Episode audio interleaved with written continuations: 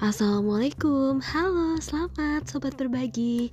Berjumpa lagi dengan literasi. Stay with me ya.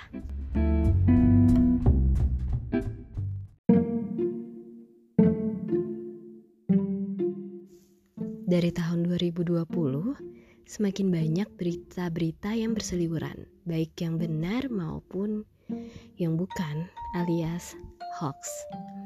Kamu pernah nggak kemakan hoax?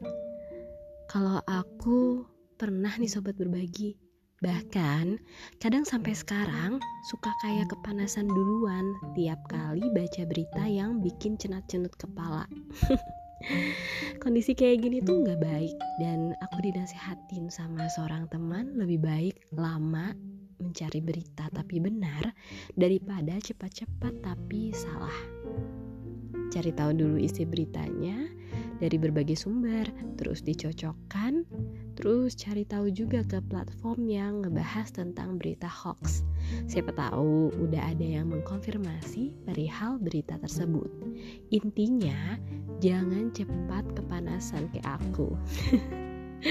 Ini aku masih ngelatih otak untuk lebih kalem.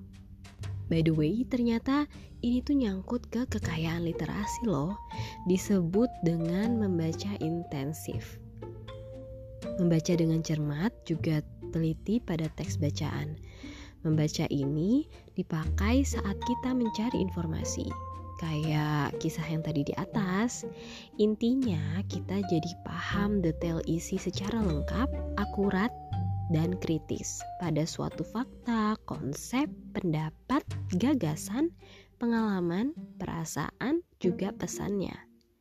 Tujuannya juga biar mengasah tingkat berpikir kita kritis, jadi semakin kritis gitu.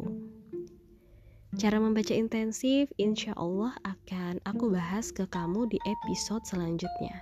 Biar kita sama-sama belajar ya sobat berbagi.